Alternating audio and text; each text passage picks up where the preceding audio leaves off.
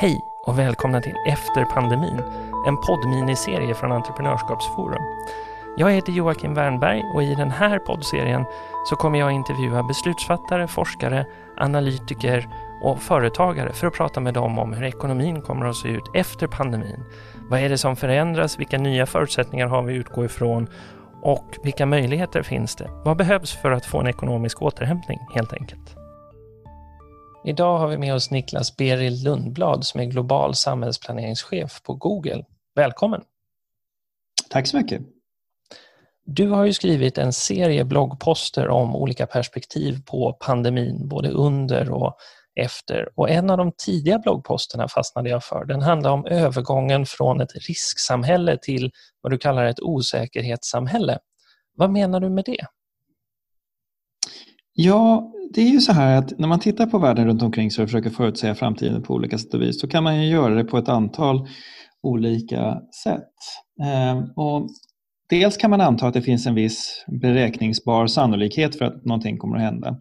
Att det finns en viss given risk som man kan kvantifiera och, och arbeta med. Sen kan man också säga att det finns ett stort antal fall där det faktiskt inte finns någon risk och där den kvantifieringen inte är möjlig. Det där är egentligen ett eh, ganska gammalt perspektiv eh, och det var rätt framträdande i mycket tidig ekonomisk forskning. Eh, den sorts osäkerhet som jag tänker på huvudsakligen den studerades till exempel av en ekonom som heter Frank Knight som på 20-talet skriver en en stor fin bok om, om ekonomi.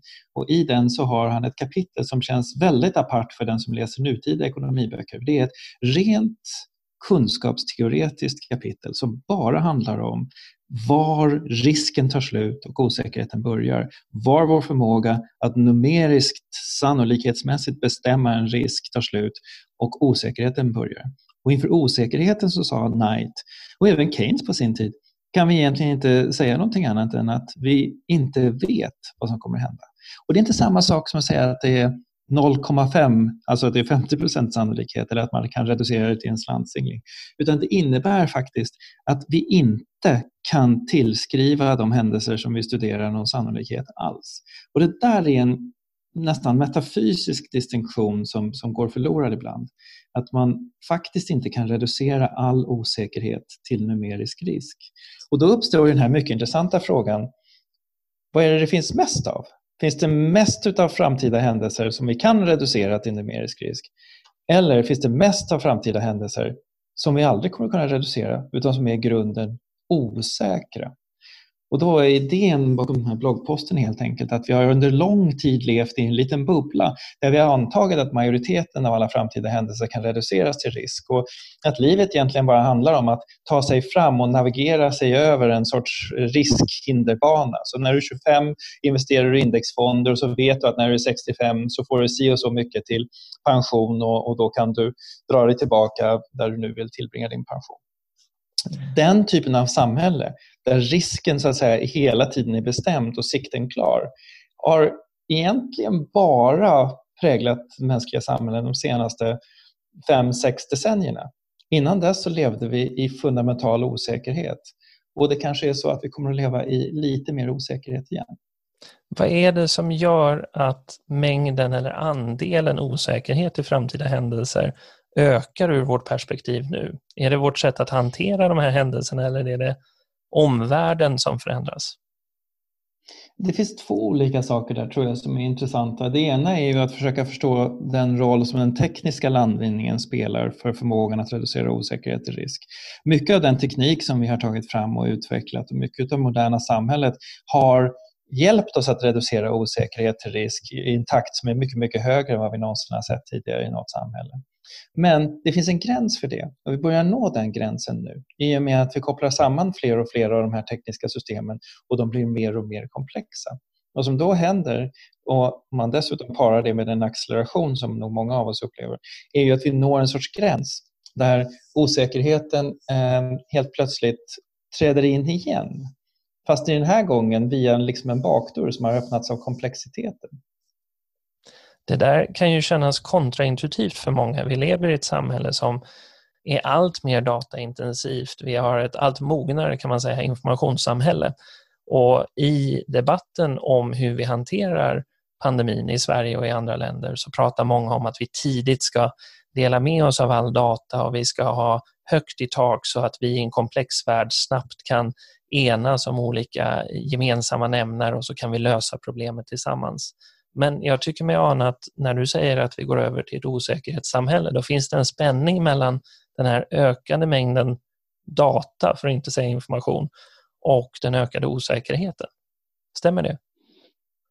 Ja, på ett sätt så är det ju så. Naturligtvis, jag är för att man delar med sig av alla resonemang man har och så där, men man ska ju också vara medveten om hur eh, dåliga eller bra data man nu kan bygga saker och ting på. Och bara för att vi har data så betyder inte det att vi kan reducera en osäkerhet till en risk. Väldigt ofta så måste vi istället börja försiktigtvis klura ut vad vi kan se i den här osäkerheten som låter sig reduceras till risk. Och det, det tar lite tid innan vi, innan vi landar där. Så jag tror inte att mer data betyder att man automatiskt eh, får mindre osäkerhet. Faktum är att det kanske är lite tvärtom. Om man tänker sig att man får väldigt, väldigt stora datamängder, då vet vi ju att mängden eh, meningslösa korrelationer växer mycket snabbare än antalet korrelerade variabler i de datamängderna. Så det betyder att du får mer och mer brus i de datamängderna. Och bruset är också en sån där brytpunkt, en sån gränslinje där osäkerheten kan krypa in.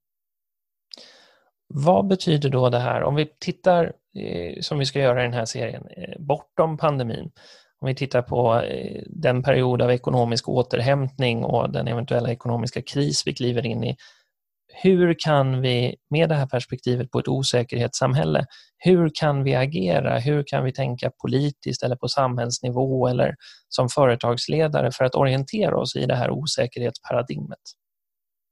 Jag tror två saker blir mycket viktiga i ett osäkerhetssamhälle. Det ena är framsteget. Det klassiska framsteget där vi gemensamt utforskar tekniska landvinningar, vetenskapliga landvinningar. Framsteget är inte längre bara någonting som kan vara kul att ha, som det kanske blir i ett risksamhälle, utan framsteget blir absolut nödvändigt för att försöka hålla osäkerheten stången. Det betyder att vi kanske kommer tillbaka till ett samhälle som fokuserar mer på den tekniska utvecklingen och innovationen. Det finns en intressant koppling till osäkerheten där och till entreprenörskapet. Eh, Knight skriver bland annat att om det inte vore för osäkerheten så skulle det inte finnas några entreprenörer. Entreprenörer uppfattar helt riktigt att ett läge kan vara genuint osäkert. För att om entreprenörer bara räknade på risk, då skulle de aldrig starta ett företag. Det är en poäng som Taleb har gjort och som flera andra har gjort också. Att tittar man bara på den numeriska risken så är det vansinne att vara entreprenör. Men entreprenörer har en särskild koppling till den där osäkerheten som gör att de ser en möjlighet som de sen tar tillvara på genom att engagera sig i det som sen blir framsteget, alltså utvecklingen av vår gemensamma ekonomi. Och där tror jag att det kanske är så att, att, osäkerheten låter oss återupptäcka hur viktigt det är att hela tiden sträva framåt. Att vi inte kan vila på våra lagrar, att vi måste ha momentum i vår civilisation om vi ska fortsätta utvecklas. Entreprenörskapet är ju, eh, att idag betraktas ju entreprenörskapet som på samhällsnivå eller på hela ekonominivå som ett sätt att experimentera, att hitta nya idéer, nya arbetsformer, komplementära innovationer som bygger vidare på ny teknik och hittar nya sätt att organisera ekonomin. Men om vi nu kliver över i ett osäkerhetsparadigm, är det inte då så att många av de institutioner vi har för att finansiera sådana här experiment, vare sig det är främjandesystemet som tittar på nya framväxande företag eller forskningsfinansiering eller Vinnovas finansiering av innovationsverksamhet. Samtliga de bygger ju på olika sätt på att värdera, kvantifiera och värdera risk. Kommer vi behöva tänka om kring alla de här typerna av institutioner för att hantera osäkerheten? Jag tror i alla fall att vi kan modifiera dem. Eh, jag tror att vi kan hitta nya sätt att, att använda dem. Jag tror att om man är lite mer så att säga, man respekterar osäkerheten lite mer, då kanske man satsar på projekt som inte har en uppenbar chans att utvecklas. Och man kanske satsar på mer galna projekt, mer outliers som man aldrig någonsin skulle ha vågat satsa på annars. Därför man vet att vid ett visst givet tillfälle så bryter vår förmåga att eh, uppskatta risk ihop. Och då är det lika bra att försöka hitta de här en, åtminstone en korg av experiment som ligger långt utanför det som sannolikt kommer att lyckas. Därför att en, en eh, innovations, ett, om man säger ett innovationssystem i ett samhälle som koncentrerar sig på det, som har en hög sannolikhet att lyckas, kommer aldrig att göra några genombrott utan är i själva sin design inkrementellt. Vi kikar hela tiden bara på hur man kan förbättra det som man redan har på basis av den etablerade tekniska utveckling som man har. Om man istället satsar på saker och ting som är eh, vansinnigt, som ser väldigt konstiga ut och som inte går att sätta några bra siffror på, då kanske man kan eh, på ett eller annat sätt återuppliva eh, uppfinningsglädjen eller upptäckarglädjen som finns i och bör finnas i innovation och entreprenörskap. Så med andra ord så skulle vi i spåren av en sån här pandemi och, och de ekonomiska konsekvenser det medför eh, kunna bli mer innovativa eller innovativa i en annan bemärkelse. Du säger att man experimenterar, men jag undrar, kommer vem som utför experimenten att skifta om vi kliver över i det här osäkerhetssamhället? Finns det någonting vi kan göra för att om jag förstår det rätt så vill vi ju helst att så många som möjligt ska experimentera så att vi får den här breda korgen av galna idéer. Finns det någonting, någonstans vi kan börja för att främja det så att det inte krymper ihop med de befintliga institutionerna. Så man säger att i takt med att vi inte kan kvantifiera risk så blir vi försiktigare, vi blir fegare och så stannar vi av i stagnation istället för innovation. Jag tror att det där faktiskt är upp till den enskilda entreprenören. Jag tror att i väldigt hög utsträckning så kommer det inte vara institutioner så mycket som individer. Eh, och Knight skriver lite grann om det här också, att han säger att, att just entreprenören som individ eh, ser ju en, en, helt annan möjlighet där andra människor kanske bara ser risk eller inte ens ser risk utan bara ser osäkerhet.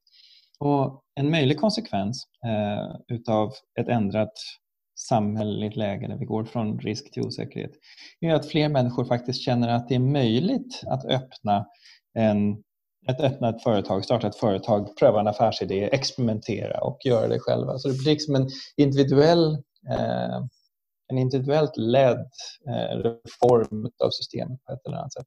Sen så tror jag ju att vi kan organisera våra innovationssystem jag tror vi kan organisera dem kring stora problem för att försöka förstå vilka de här eh, nya revolutionerande tekniska lösningarna ska vara. Jag tror det finns ett värde i att studera till exempel Manhattan-projekt och liknande. Jag tror Vad att vi menar kan du med organisera stora dem. problem?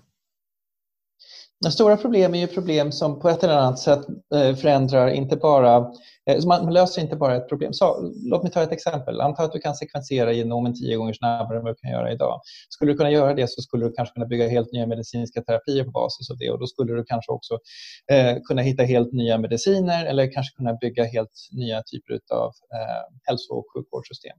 Så det är, den meningen, det är ett stort problem i den meningen att det ger, en, eh, ger väldigt mycket avkastning ifall man kan lösa just det problemet och förändra väldigt många saker nedströms.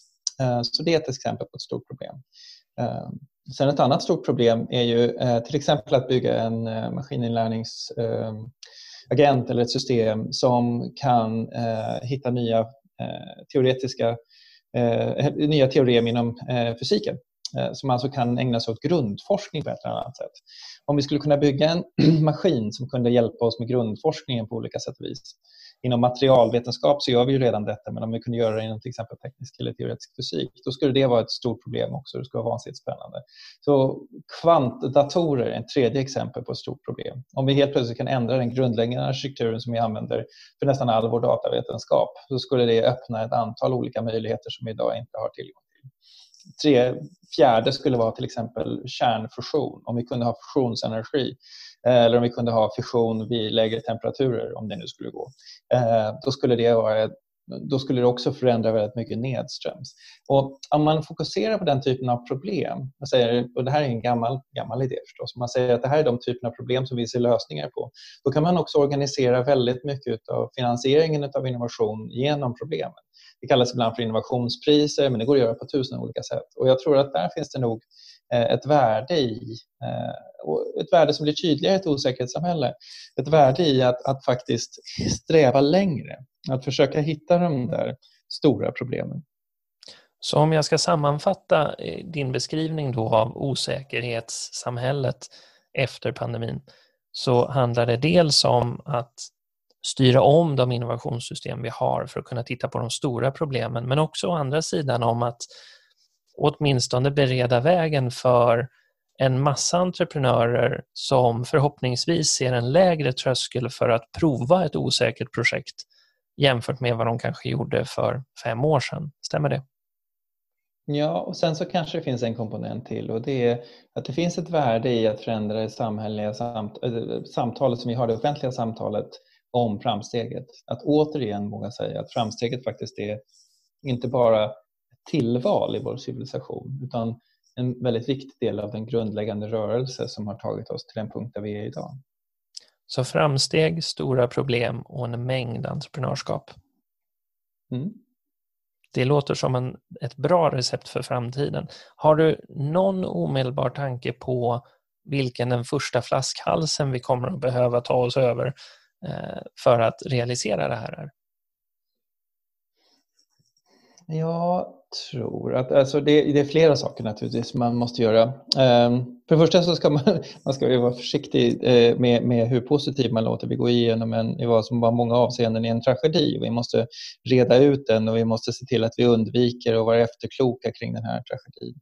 Så att det, det är ju inte, det är inte lätt på något sätt. Men om man nu ska försöka hitta någon sorts silverkant på det här åskmolnet så, så tror jag att det ligger där. De första flaskhalsarna som man springer in i i alla sådana här sammanhang det är ju en, en sorts naturlig systematisk tröghet eh, som vi har i samhället som ibland tjänar oss väl. Det kan vara bra att samhället inte förändras alltför snabbt. Men när vi genomgår ett fasskifte så skulle man kanske vilja ha en snabbare samhällelig förändring än man annars har. Och då har man ett stort antal etablerade institutioner som kanske inte riktigt är bekväma med det. Fördelen med en kris är att om man ska vara liksom historiskt orienterad, är att vid stora kriser så har vi en tendens att inte lyssna så mycket på de eh, tröghetskrafter som finns i samhället, utan vi provar nya saker. Det politiskt möjliga eh, blir mycket, mycket större. Den, det utrymmet, det rummet för det politiskt möjliga blir mycket, mycket större än, än eh, eh, när vi bara lever i, i samhället som, som det alltid har varit, i det trygga samhället som lunkar på. Det låter som en bra avrundning med en silverkant på åskmolnet och ett större politiskt möjligt. Tack för att du tog dig tid. Tack så mycket. Du har lyssnat på Efter pandemin, en poddminiserie från Entreprenörskapsforum. Om du går in på Entreprenörskapsforums hemsida så hittar du en undersida som heter just Efter pandemin och där finns det en utlysning för att samla in korta policyförslag. Du hittar riktlinjerna för hur man skriver ett policyförslag och du hittar också alla poddar i den här serien. Tack för att du lyssnat!